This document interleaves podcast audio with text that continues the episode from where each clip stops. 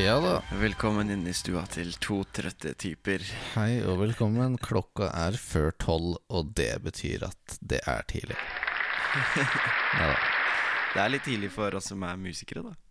ja, det blir jo litt fort sånn når man sitter opp og spiller om natta og øver og skriver ting og ditten og datten. Jeg kjenner det særlig for min del at eh, det kan ha blitt litt seint i natt. Ikke veldig seint. Det det var så varmt også. Litt sånn Ja. vanskelig å sove, faktisk. Og så måtte jeg eh, sette klokka på i dag til morgenen, og den gikk jo av igjen, selvfølgelig. Tilfeldigvis. mm, Svart også. Så nå er kaffen Nå er kaffen klar. mm, Slurp. Kan hende vi må ta en pause midt i episoden og hente litt mer kaffe. Det får ikke dere vite noe om. Da gjør vi hardcut. Eller så kan vi kanskje lage, Kanskje en, en, lage en ny vignett eh, til en senere anledning som heter Coffee Break. Ja. Ja, Det, Litt sånn bossa. la oss gjøre det. La oss gjøre det. Noter det bak øret. Du må ha sånn lyd av ting som du noterer. Yeah. Men nå skal vi ha et eh, nytt lite tema i dag, og vi kan annonsere at dagens tema, eller gitarmerke, er Rekemaker! Det er også et ganske gammelt merke. Mye eldre enn eh, det jeg trodde. Mm, Um. I og med Eller holdt jeg på å si, altså vi skal jo bevege oss helt tilbake til 30-tallet. Hvis du er Eller hvis vi skal trekke det enda lenger, så kan vi ta det tilbake til 20-tallet. Ja, ja, de hadde kanskje et eller annet sånt mindre selskap eller noe sånt som, uh, Det som det var rundt da. Men i hvert fall rundt 1931 så så det ut som at det blast off litt hardere. Men hvor er det Ja. det egentlig begynner? da? Det mm, så selv, Selve The Rickenbacker International Corporation, RIC, eller RIC, det starta i 1931. Det Mm. ble founda i 1931 av Founda, faktisk. Grunnlagt. Grunnlagt i 1931 av Adolf Rickenbacker. Mm. Og George D. Beecham.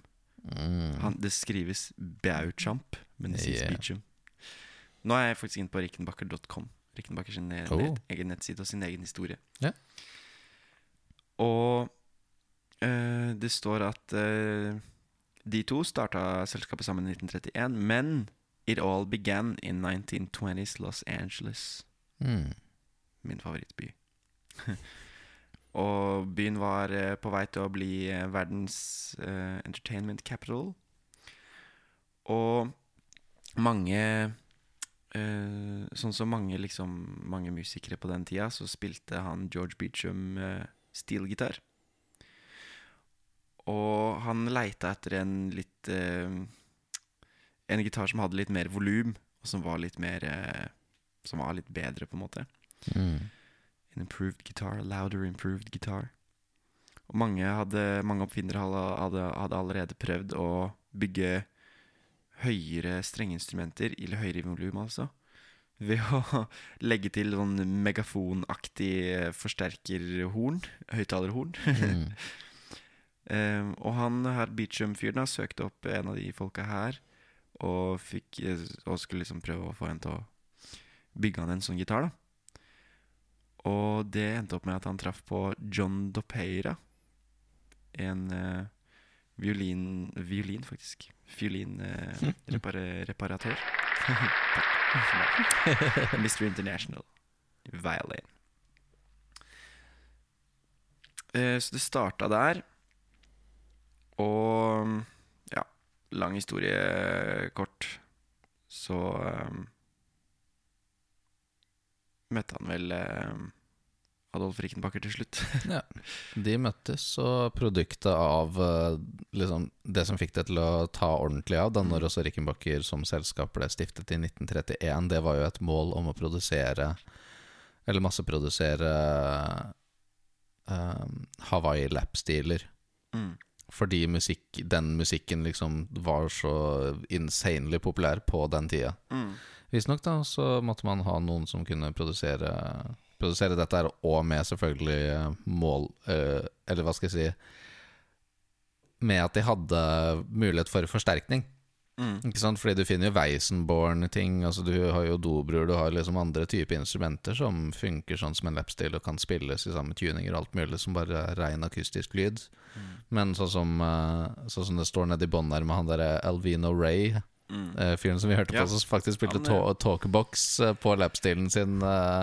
Jeg vet ikke helt hvilket år den innspillinga var fra, da. Det var Men fra hvis du liksom Ikke sant? Så hvis du skal spille lapsteel med storband, da er det ganske tydelig at da holder det ikke med en dobro, vet du. Det gjør ikke det. Det var helt sykt fett. Da var det en vocoder, og så sang han over det han spilte på en, en talkbox. Nei, talkbox, mener jeg. Mm. Så det hørtes ut som en vocoder. Nei, så det er på en måte det som blir produktet deres. Da. Det er det som kicker off uh, alt sammen. Og det blir en ganske, ganske populær modell, og det er rett og slett eh, frying pan. Lapstilen til Rikkenbakker Mm. Som uh, er bare en bitte liten kropp som Ja, den er helt vanvittig liten, faktisk. Skjønner hvorfor den heter frying pan, for det ser jo bare ut som ja. ja. med tidenes lengste håndtak. Og så en ganske lang hals, og så er da hele instrumentet lagd i aluminium mm. med et maple-gripebrett. Ja. Og en ganske spesiell horseshoe pickup. Mm. Som eh, blir eh, Eller som kommer til å følge Rickenbacker på en måte nesten gjennom hele sitt liv. da Det blir liksom sånn enstydig med Rickenbacker. Det type pickup-coveret. Og hele den der pickup-teknologien som de bruker på ting og sånn som vi finner i seinere både basser og gitarer og det ene og det andre. Mm. Så da lagde de de i to versjoner. En uh, modell som heter A25, som jeg vil anta står for 25 inch scale, og sikkert en ja, shorter scale A22, Mhm. som begge to ble solgt sammen med en liten forsterker. Og i løpet av to år Altså den, Denne her ble jo da en eh, suksess. Og eh, jeg husker egentlig ganske sånn raskt etter at jeg begynte å interessere meg for lapstil og pedalstil og sånne type ting, så dukka den her veldig, veldig tidlig opp. Mm. Så liksom når eh, folk Hvis du søker opp uh, brukte lapstiler og pedalstiler og sånt, så er det alltid liksom det er snakk om. Folk vil ha tak i originale frying pans. Mm. Ja. Samlere og whatnot. Men allerede to år etter at den frying panen ble lagd, så får vi noe som ser ut til å være en av de aller første Spanish-gitarene. Yes. Faktisk. Og det vil altså da si eh, liksom sånn type i ES-land, da. At da har du en eh, For ES eh, står for electric Spanish. Oh yes. Ikke sant? Og ES-en til Gibson, den, den kom i 1958, var det det vi fant ut av i stad? Mm. Kaffe i munnen. Eh, det kan hende. Ja. ja, det var i hvert fall nærme da, men nå er det faktisk 1933, og Rickenbacker slipper da gitarmodellen Electro Spanish. Mhm. ES, det samme initialene. Yes. Ja.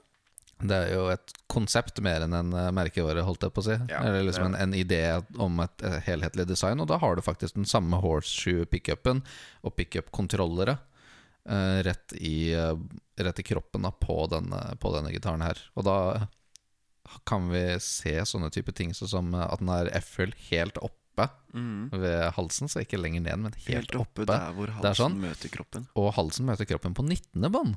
Oi! Så her har du faktisk ganske mye spillerom i forhold til veldig mange andre typer Yes. gitarer. Så det er veldig mange andre gitarer hadde jo joint på 15. bånd Mm. og 12. bånd og liksom de tingene, men her er det helt opp på 19.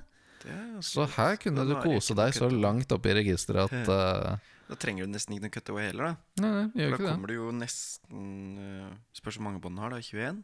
Eller? Mm. Skal vi se 24. Oi! Den har faktisk 24 bånd satt igjen. Oi, shit. Sikkert mest i pynt av de siste. Ja. Jeg kan se for meg at Det blir ofte en sånn hump du får eh, ved neck joint, både på kassegitarer og på sånne type gitarer sånn som det der. da Sånn type at Hvis Ja. du har en kurve, og så har du en sånn som begynner akkurat der hvor kroppen treffer. Så jeg ser for meg at de siste fretsene der fletta ut, eller Ja, ja. var litt daue, eller hadde jævlig med klirr. Men um, skal vi se da Ja, ikke sant, så Så da har du jo allerede i 1933 et mm. design sånn som det her, og det er ganske sånn ahead of its time, Tenk på det. Ja. Men det er veldig kult, da. Og da, som sagt, den samme horseshoe-pickupen rett i kroppen. Mm. Ganske spenstig. Og veien videre, holdt jeg på å si, fra dette her altså De, de produserer jo visstnok ganske mange sånne forskjellige versjoner som ligner litt på de forskjellige, eller vanlige elektriske gitarene, da. Mm. Så da ser vi f.eks. en annen gitar som heter Combo 600. som ser litt ut som eh, Åh, hva heter den serien igjen, da? Mm. Er det 600-serien, eller er det 300-serien? 300-serien. Her kan man finne på rickenbacker.com. Mm. Det er de kjente Det er det jeg forbinder med Rickenbacker når jeg tenker på Rickenbacker. 300-serien. Mm. Veldig kjent. Ja, ja, ja, alle har spilt på en Rickenbacker. Eller ikke alle, da. Ja. Så det er den vi har sett i hendene på John Lennon og på Yes. samtlige Britty-rockere og sånt, ikke sant? Og så har du Så det er det- 600-modellen også, egentlig. Det har Mm. vært, også vært i henda på. Men de ligner veldig mye på hverandre, da. mm. Men det som er litt sånn kult med Combo 600 og, eh, og den frying pan-greia og sånt, er at så langt Nå er vi helt fram i 1954 Oi. og eh, med den Combo 600-modellen, og Rickenbacker produserer fortsatt kun instrumenter med én bridge pickup. Mm. Men det skal forandre seg ganske snart, holdt jeg på å si. Ja. Fordi først får man en liten inntur til uh, en vanvittig uh, ikonisk uh, bass, og det er jo Rickenbacken 4000-bassen. 4000-bassen. Mm. Den er også veldig kul. Jeg syns den er blank. kulest i svart. Ja. Så, men det, det er ikke den holdt jeg på å si, den mest kjente, mest kjente bassen deres. da holdt jeg på å si, Det er jo forgjengeren, ikke sant? Fordi 4001 er det som på en måte ble the shit. 4001 Mm. Fordi 4000 blank, sånn som man ser her, den er jo da litt sånn Litt lenger bak i utviklingen. Du ser bare at hele designet er mye mer foreldet. mm. At det er eh, litt andre typer materiale, litt annen layout på controlsene og sånt. Ja, Men med, 4, så på fire, her nå var ikke sant, men 4001 Nå snakker vi, vet du. Da har vi kanskje en av de aller mest ikoniske bassene gjennom tidene som ikke er Fender. Oi. Ikke noe P-bass eller noe jazzbass eller noe Ja, P-bass også, for så vidt, men liksom Men jeg tenker om ut, utenom basser som ikke er Fender, Ja. som er kanskje mest ikoniske og mest brukt, så er jo Rickenbacker, Mm. Rickenbacker 4001 på toppen med det andre. Ja, ja. Det, er, det ble jo en rockeklassiker uh, kanskje mest, fordi at det er jo en gitar som har litt sånn tynn lyd, på en måte. Eller, sånn, eller ikke, ikke tynn lyd, altså, den, den har mye, ja, men den har mye, ja, mye sånn top growl. Og så er det jo det at den hadde jo sånn derre stereo, eh, stereo output, så du Ah. kunne sende ut en av hver pickup ut i to forskjellige amper, Ja, og så kunne du kombinere det på scenen. Så det er litt sånn Nå begynner du å få litt sånn derre 50-tallet, vet du. Da begynner folk de, å ja. 1961 faktisk, på 61, 4001. Så da kom de ikke sant ut med sin, Ja, eh, sin første I hvert fall på bassfronten, og dobbel pickup på bassfronten. Da hadde vel stereoteknologien vært ute noen Mm. Og den derre um. Og det er fortsatt litt sånn horseshoe-aktig design, bare at det coveret kunne tas av og på.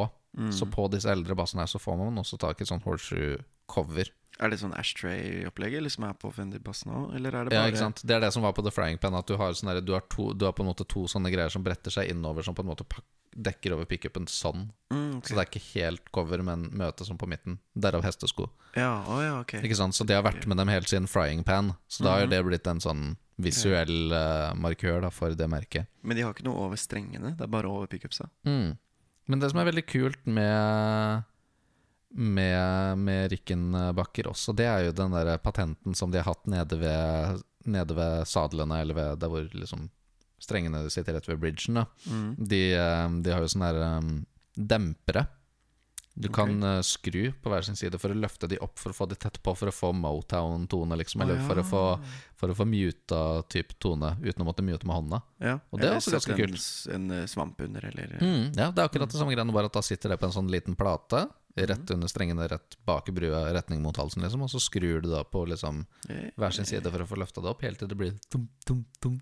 Det er litt sånn det vi var inne på i, eh, eh, Chet Atkins-greia. i Gretsch-episoden. Mm.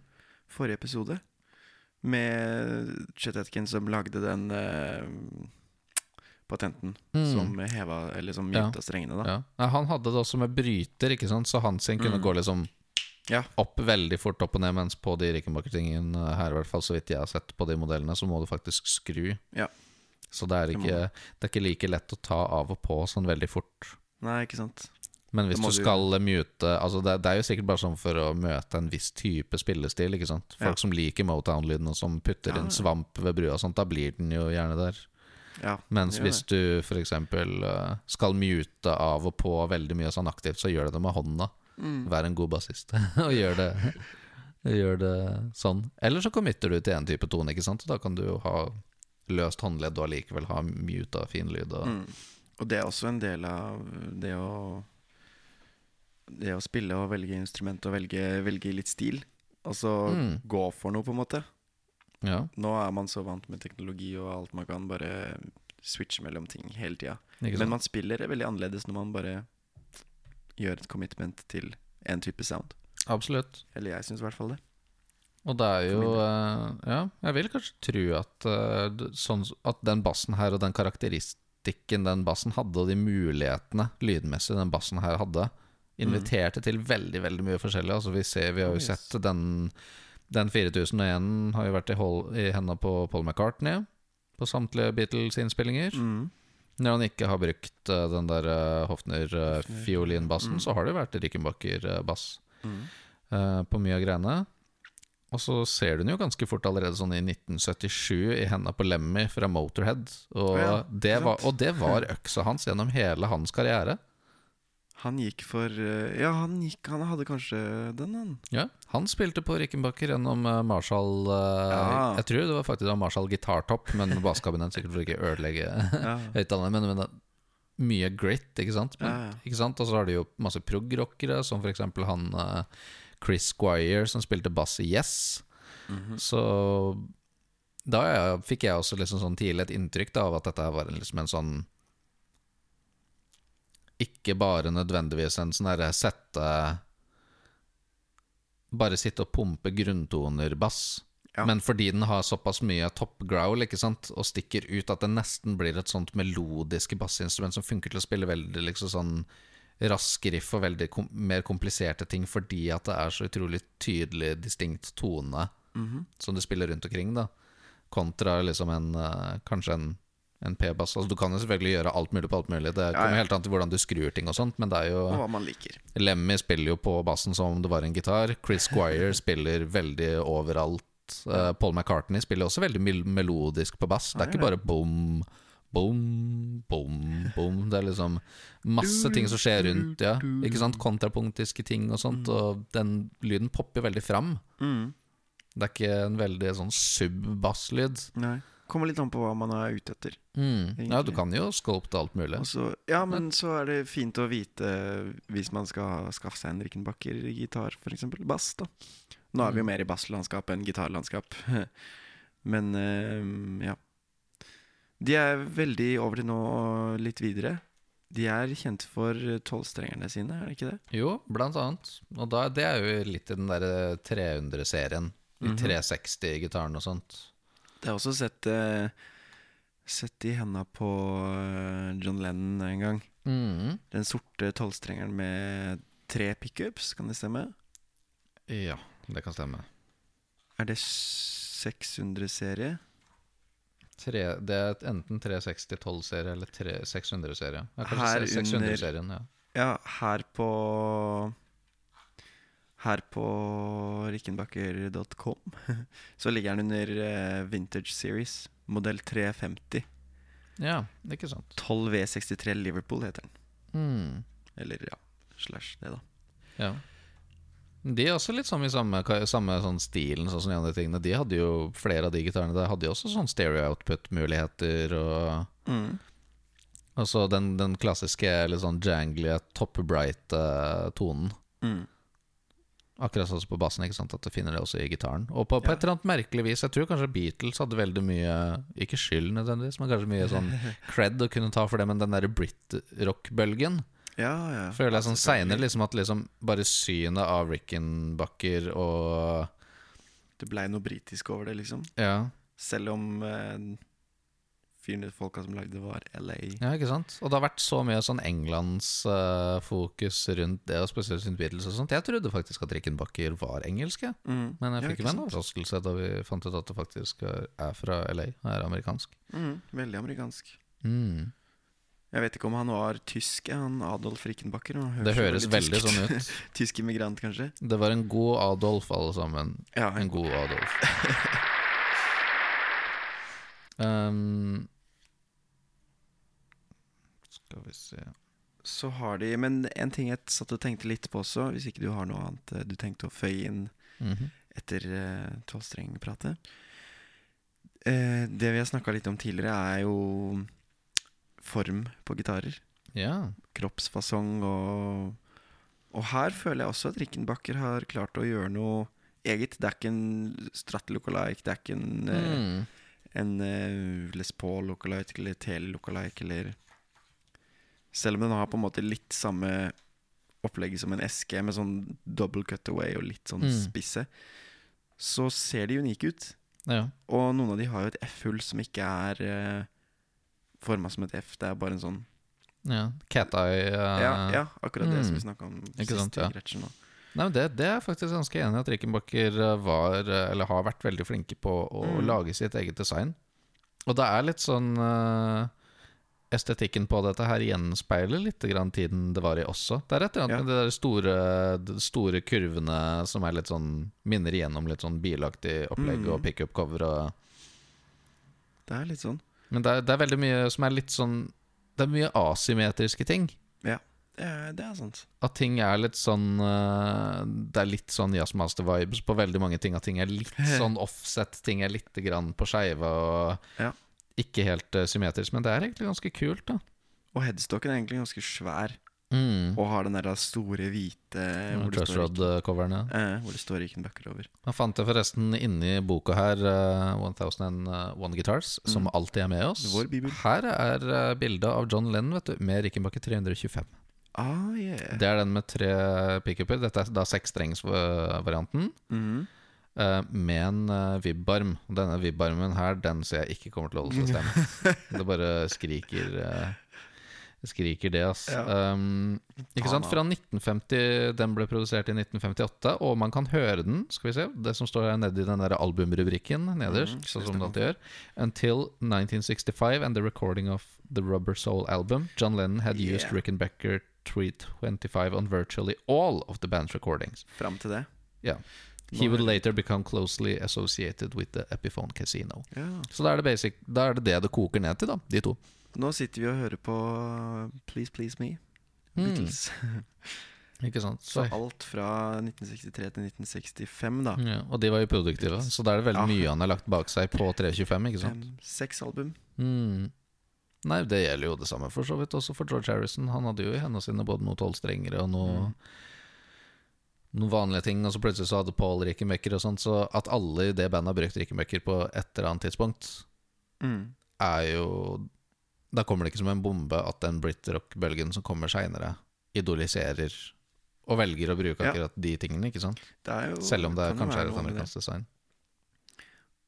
Og Men jeg kjenner liksom egentlig ikke til så veldig mange andre Rickenbacker-gitarister. Det, må jo være det, da, men uh... Ja, Nei, jeg vet ikke. Jeg, jeg føler i hvert fall at det har vært ganske sånn enkelt å identifisere et par sånne helter på bass, i hvert fall. ja, ja, ja. Men eh, for, ikke sant, med tanke på den der 4001 uh...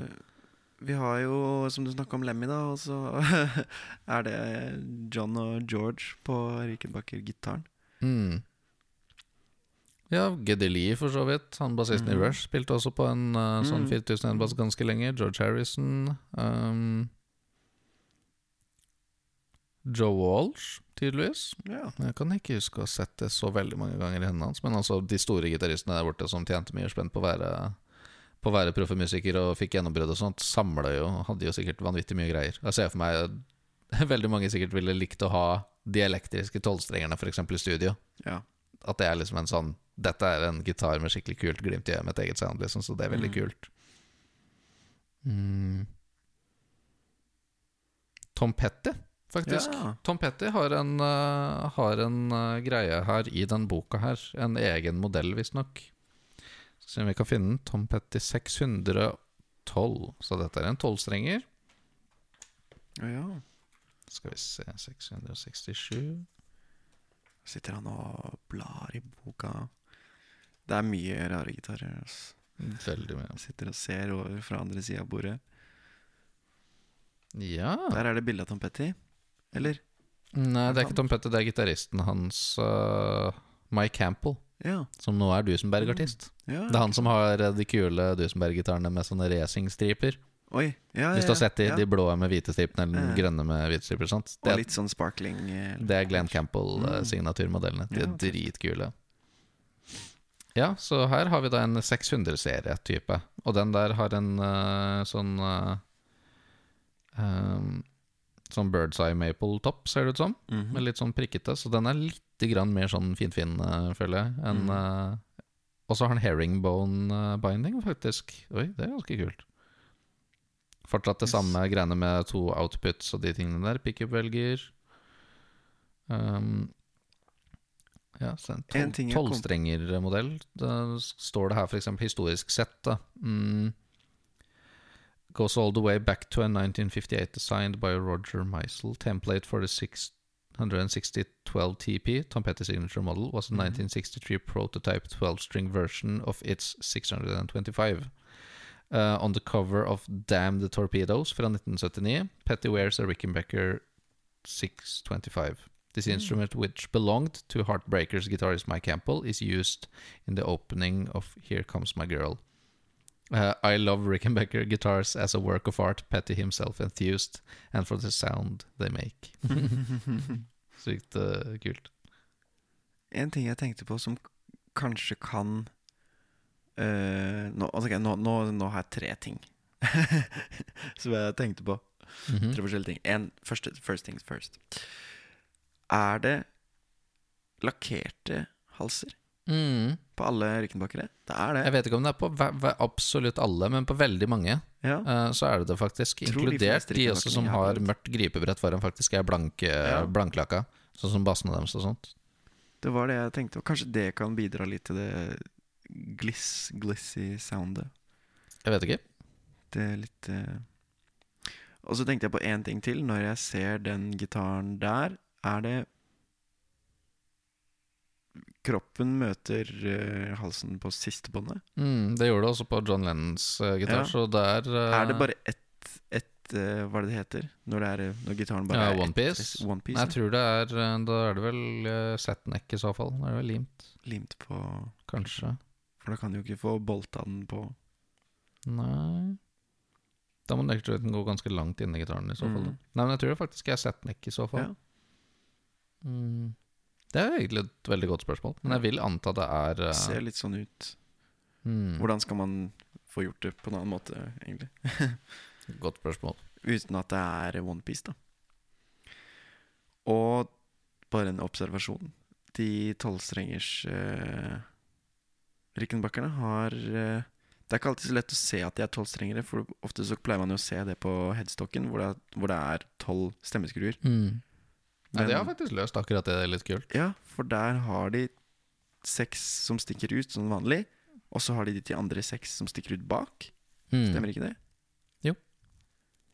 Så de har brukt plassen litt effektivt, så det er litt enklere, å komme, Veldig til, effektivt. eh, enklere å komme til tunerne.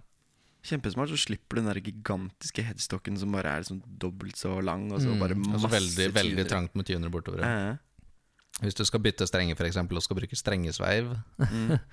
Det er ikke lett å få til det på en tolvstrenger hvis er eh, Hvis alle, strengene, nei, alle tuningpegsene står kjempetett i tett og krasjer de bare i hverandre. Da har du ikke plass til å liksom klemme inn noe strengesveiv Nei, inn dit. Så det er jo litt mer praktisk å gjøre det på den måten der, da. At det, at det blir nesten på en måte som en kombinasjon av banjo og elgitar. Med tunere som peker bakover, og Ja, noen som går til sida. Ikke sant? Og det er jo litt eh, Apropos tilbake til det med eh, Spanish gitar, da. Electric eh, Spanish guitar. ES. Mhm. Spanish guitar, nylonstrenggitar, har jo eh, tunere som peker bakover også. Mm. Så da kan det være en slags eh, En slags miks. En ting som er verdt å legge til, som er litt sånn morsomt, som jeg kom på eh, Som jeg kom på i farta, Ja. det er uh, at uh, Jeg tror de fleste, i hvert fall veldig veldig mange rikemakkere fra gammelt av, har hatt to trashroader. Oi! Sånn double uh, trussrod Ah uh, ja, det ser jeg på bildet. Jøss. Der du kan eh, justere på hver enkelt uh, individuelt. Men hva er poenget med to? Er det for å Det tror jeg for at du skal også kunne kontrollere på vridning, rett og slett. På halsvridning, for å kunne justere ting enda mer. For, det man, for dere som ikke vet det, truss rod er en stanga som går mellom uh, halsen på gitaren hele veien ned. Mm. Når man stiller på den, så kan man stille, stille på om halsen skal være banan eller helt rett. Mhm. Ofte så blir den litt bua. Enten utover eller innover. Så vrir man litt på den, enten den eller andre veien, så retter man opp halsen. Mm. Så der tror du de kunne stille på både vridning til høyre og venstre òg, liksom. Ja, det står rett og slett at uh, fordi det, det er lagd for at du kan kunne gi litt forskjellig relief til um, diskant- og bass-siden Ah. av instrumentet. Oi. Fordi det, det er jo forskjellig spenn i Ja, naturligvis. Du får lev, levele det litt grann mer. Dette er også på en sånn, sånn uh, Hva heter en sånn ressursside. Det er noen som liksom forteller om uh, dette her funker, og viser bilder også hvordan de nyere designene ser ut. At de fortsatt har doble truss rods, men at de har endra litt på åssen det ser ut nedi der. Eh, ja, som sagt, the claim is that you can set a slightly different relief for the bass and treble sides to give a little more relief for the wound strings, for instance. Mhm. If you can make this work reliably and repeatably, good for you. så liksom, ja, fordi det er jo ikke lett, vil jeg anta. Altså Spørs jo, da, om på en måte spennet i gitaren generelt sett, hvis du har et vanlig strengesett på, egentlig vil på en måte bli jevnt fordelt utover halsen. Selv om jeg Mm. forstår argumentet om at bass i ett kanskje trekker litt mer Ja. fordi stemmesmørker er litt tjukkere streng, liksom. Men ja. Hmm. Men ikke sant? Nok et eksempel på at de gjør litt sin egen greie. ja. Så, Det er jo litt tøft. Er fortsatt innovative. mm. Og med det, kjør kaffepause. Mm. Kaffe. Mm. Åh. Nå skulle jeg ha heismusikk. Godt med litt uh, påfyll. Ja, heismusikk, det kommer, uh, det kommer uh, siden. Det kommer seiden. Seiden, faktisk. Senere Ja, siden. Nice. Du fant en kul greie i kaffepausa. Ja, jeg fant en Rickenbacker-gitar jeg ikke visste eksisterte, og det er en gitar som heter Rickenbacker Backer, Becker, ja, eh, Backer, 331 Light Show. Som har masse lys inni kroppen. Altså sånn type Topplokket på gitaren består av at på en måte hver Oi! Hver halvdel av rumpa, holdt jeg på å si, man kan si det, eller hvert horn, hver halvdel av gitaren på utsiden av pickupene har eh, liksom sånn hula ut uh, plass til lys. Og at topplokket ikke da er heltre eller laminat eller hva som helst annet, men det er liksom akryl Se på det. eller, eller plast, liksom. Så her står det Rickenbacker has always been known for innovative guitars. This 331, nicknamed the Light Show guitar, was one of the most original of all. It was basically a 330 model with the addition of a psychedelic sound to light unit that operated nine colored lamps inside the transient plastic body cover. Når kom den her? her? 71. Rickenbacker used car light bulbs which lit up with, uh, when different pitches of of note were played. Treble sounds lit up the red light, yellow was illuminated by mid-range frequencies, and the blue reacted to the bass. Oi! Wow! Gikk det an i 1971? De hadde sensorer, tydeligvis, som fikk til det her. Ja, Lights were Kanskje controlled by sensitivity, sensitivity dial. Wow. Jeg vet ikke om jeg syns det er kult eller teit. Det er bra, Eller- bra innovasjon. Det er litt Ja, ja. tacky, liksom. Men ja. Skal vi se Det er sikkert kult når du spiller i mørket, da. Fra Rickenbackers originale liksom, advertising Internally lighted by a set of frequency modulated lamps This guitar will shimmer with infinite color and pattern variety Wow. Infinite, Infinite. color er litt mye å ta i, tror jeg Da de sa at det var rød, blå, grønn Men uh, Infinite color.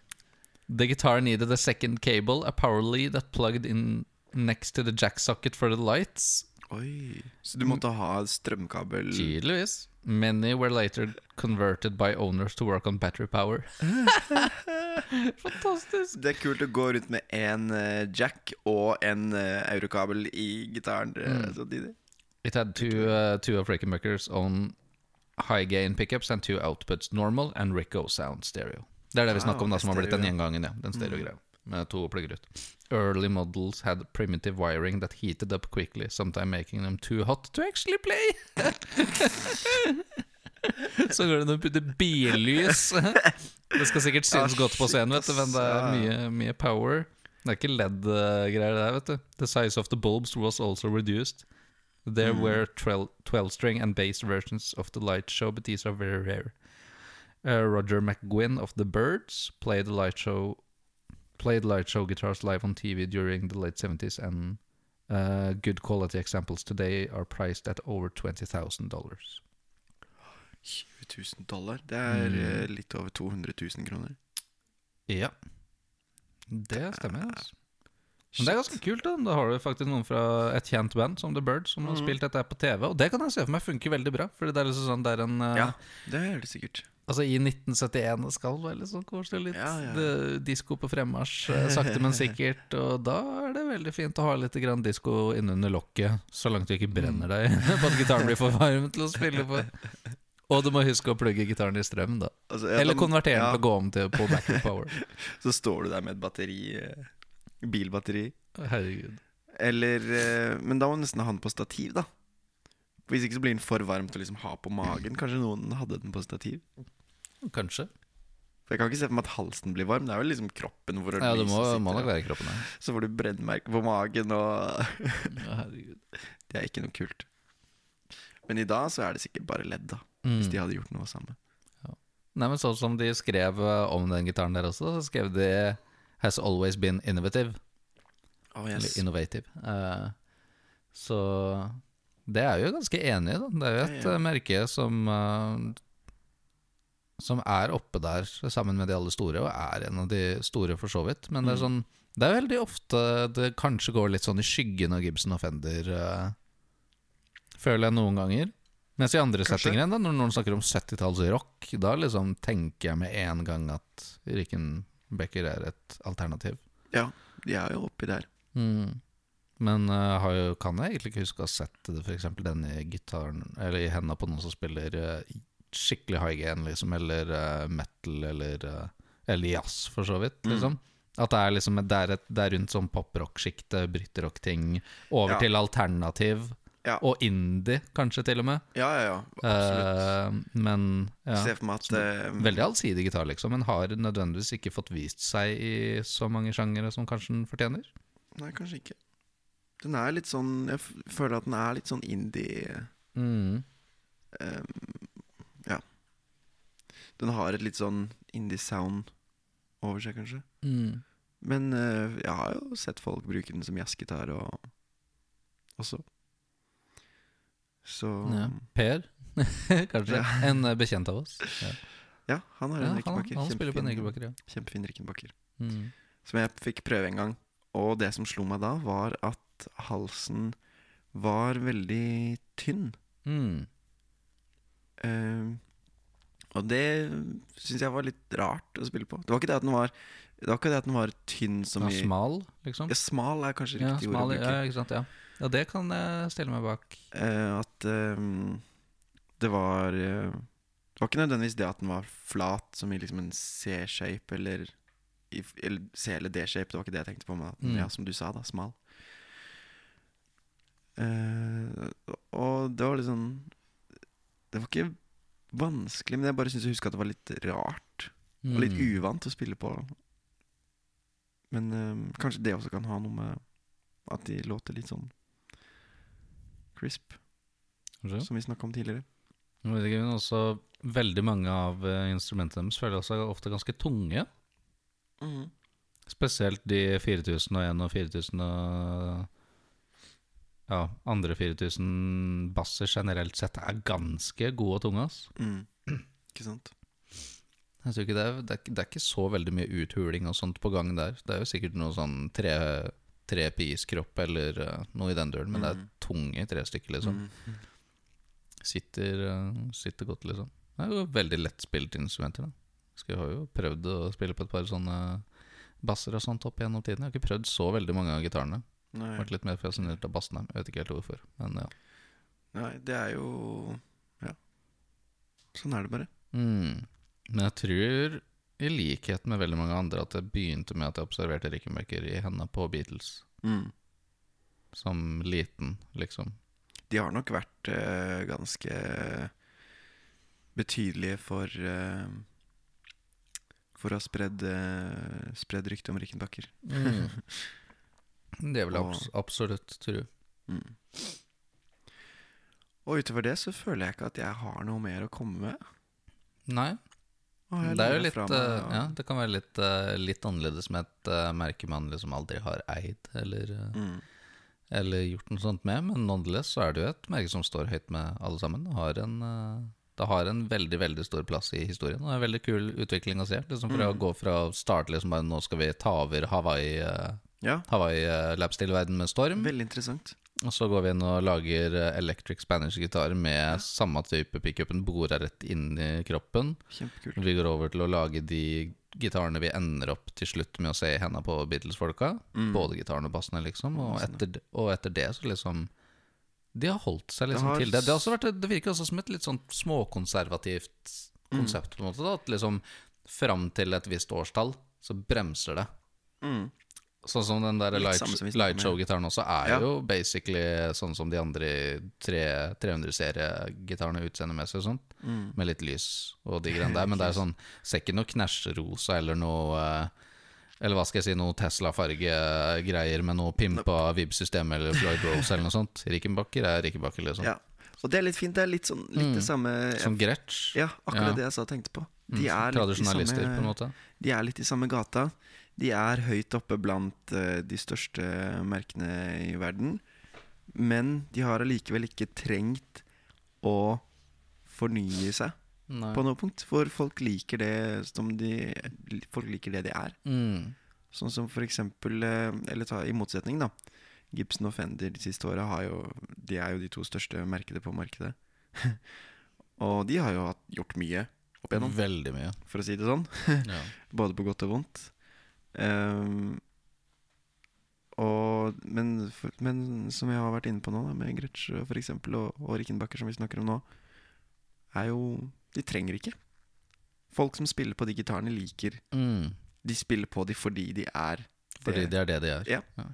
Mens uh, med Fender og Gibson så er det jo fort det at du kanskje har hatt et forhold til Fender og Gibson hele livet, og du har ikke lyst til å forlate Fender eller Gibson, men du har lyst til å Mm. få samme kvalitet, men ikke nødvendigvis i form av de mest streite instrumentene de har. Mm. Så sånn sett så er det veldig fint at de faktisk lager den uh, Jim Root Telecasteren med EMG pickups, eller Tom Morello uh, Stratten med Vibarmo og Kill Switch, og liksom Mm.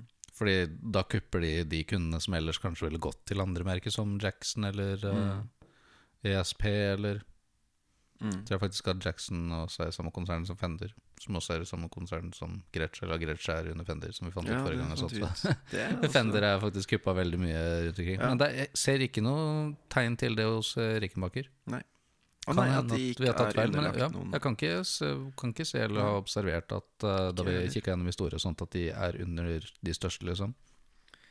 Da burde det i hvert fall stå på uh, På Rickenbacker sin hjemmeside. Mm. Modern Era of the Electric Guitar. Kan hende de er De er jo sikkert eid av noe, da. De har sikkert ikke bare vært selveid eh, hele, hele livet sitt, liksom. Men jeg tror ikke de er eid av Fender eller Gibson, for eksempel. Liksom. Men her, nei, for her, de er faktisk De er jo sitt eget uh, Her står det at uh, i dag så er uh, produksjon og distribuering av Rickenbacker-gitarer og basser combined into RIC. Og det er jo um, det som sto for uh, Rickenbacker International, International, Company. Eller Corporation. Corporation. Ja. Eh, og det står ikke noe om her på hjemmesida de selger at det er um, At det er eid av, av noen. Nei. I hvert fall ikke som jeg kan se. Kanskje ikke jeg leiter godt nok. Men um, A DJ once asked George Harrison if he liked a guitar he doodled on during a radio interview. Harrison said to have quickly is said to have quickly replied, "Of course, it's a Rickenbacker." Står på slutten der. Og her er den der uh, med bildet av den lysgitaren og Mm. Beatles. Light show. Så det har vært uh, veldig interessant lesing for dere som er, eh, har lyst til å gå litt mer i dybden på Rickenbacker-gitarer, Mm. og har lyst til å få med dere ting som vi ikke har uh, tatt opp uh, nå.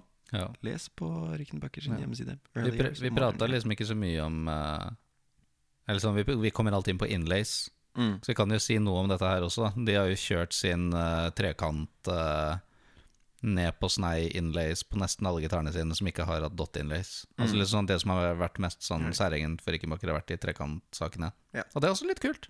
Kult. Alltid respekt til de som eh, finner på noe annet enn prikker. Respekt. Mm. Prikker er kult, det òg, og det gjør susen. Mm. Uh, sandaler gjør også susen, men et par skikkelig gode sneakers det gjør så utrolig mye bedre. Dere får det fra A til B. Prikker får det også fra A til B, men trekanter får det fra A til B med stil. Um, neste gang så tenkte vi faktisk å kjøre en liten spesialepisode om noe veldig spesifikt. Pickups. Woo! På Var det en ønskeepisode? Det var en ønskeepisode, og det skal vi fortsette å drive med. Så folk må bare Mm. keep them coming, og fortsette å bare sende oss ris, sende oss ros. Vi vil gjerne høre fra folk og sette pris på all kontakt. Det er jo Mm. stille og rolig I disse i tider. disse tider. Så Vi, det er hyggelig å høre fra folk. Det blir første, første eh, ønskeepisoden, og det gleder jeg meg veldig til. Det Mm. blir noe som ikke er direkte gitarer, men som er jo veldig som sagt heavy gitarrelatert. Mm. Og vi har vært innom det i hver eneste episode, Vi har alltid snakka noe om pickups, men nå blir det litt mer uh, spesifikt. spesifikt. Altså, Da ser jeg for meg at det blir fort prating om de, de store og de små, og sentrale pickups, uh, eller pickup-typer. Mm. Og litt uh, sånn på karakteristikker og litt sånn type ting. Så det, Men det er jo selvfølgelig subjektivt som alt annet, så dere må alltid ha deres individuelle opplevelser av ting uh, i mente, holdt jeg på å si. Mm. Vi preacher ikke alltid, eller vi er ikke ute etter å finne sannheter. Vi forteller det fra vårt ståsted som Ja. eh, to karer. Og så Nei, så det blir, det blir veldig kult.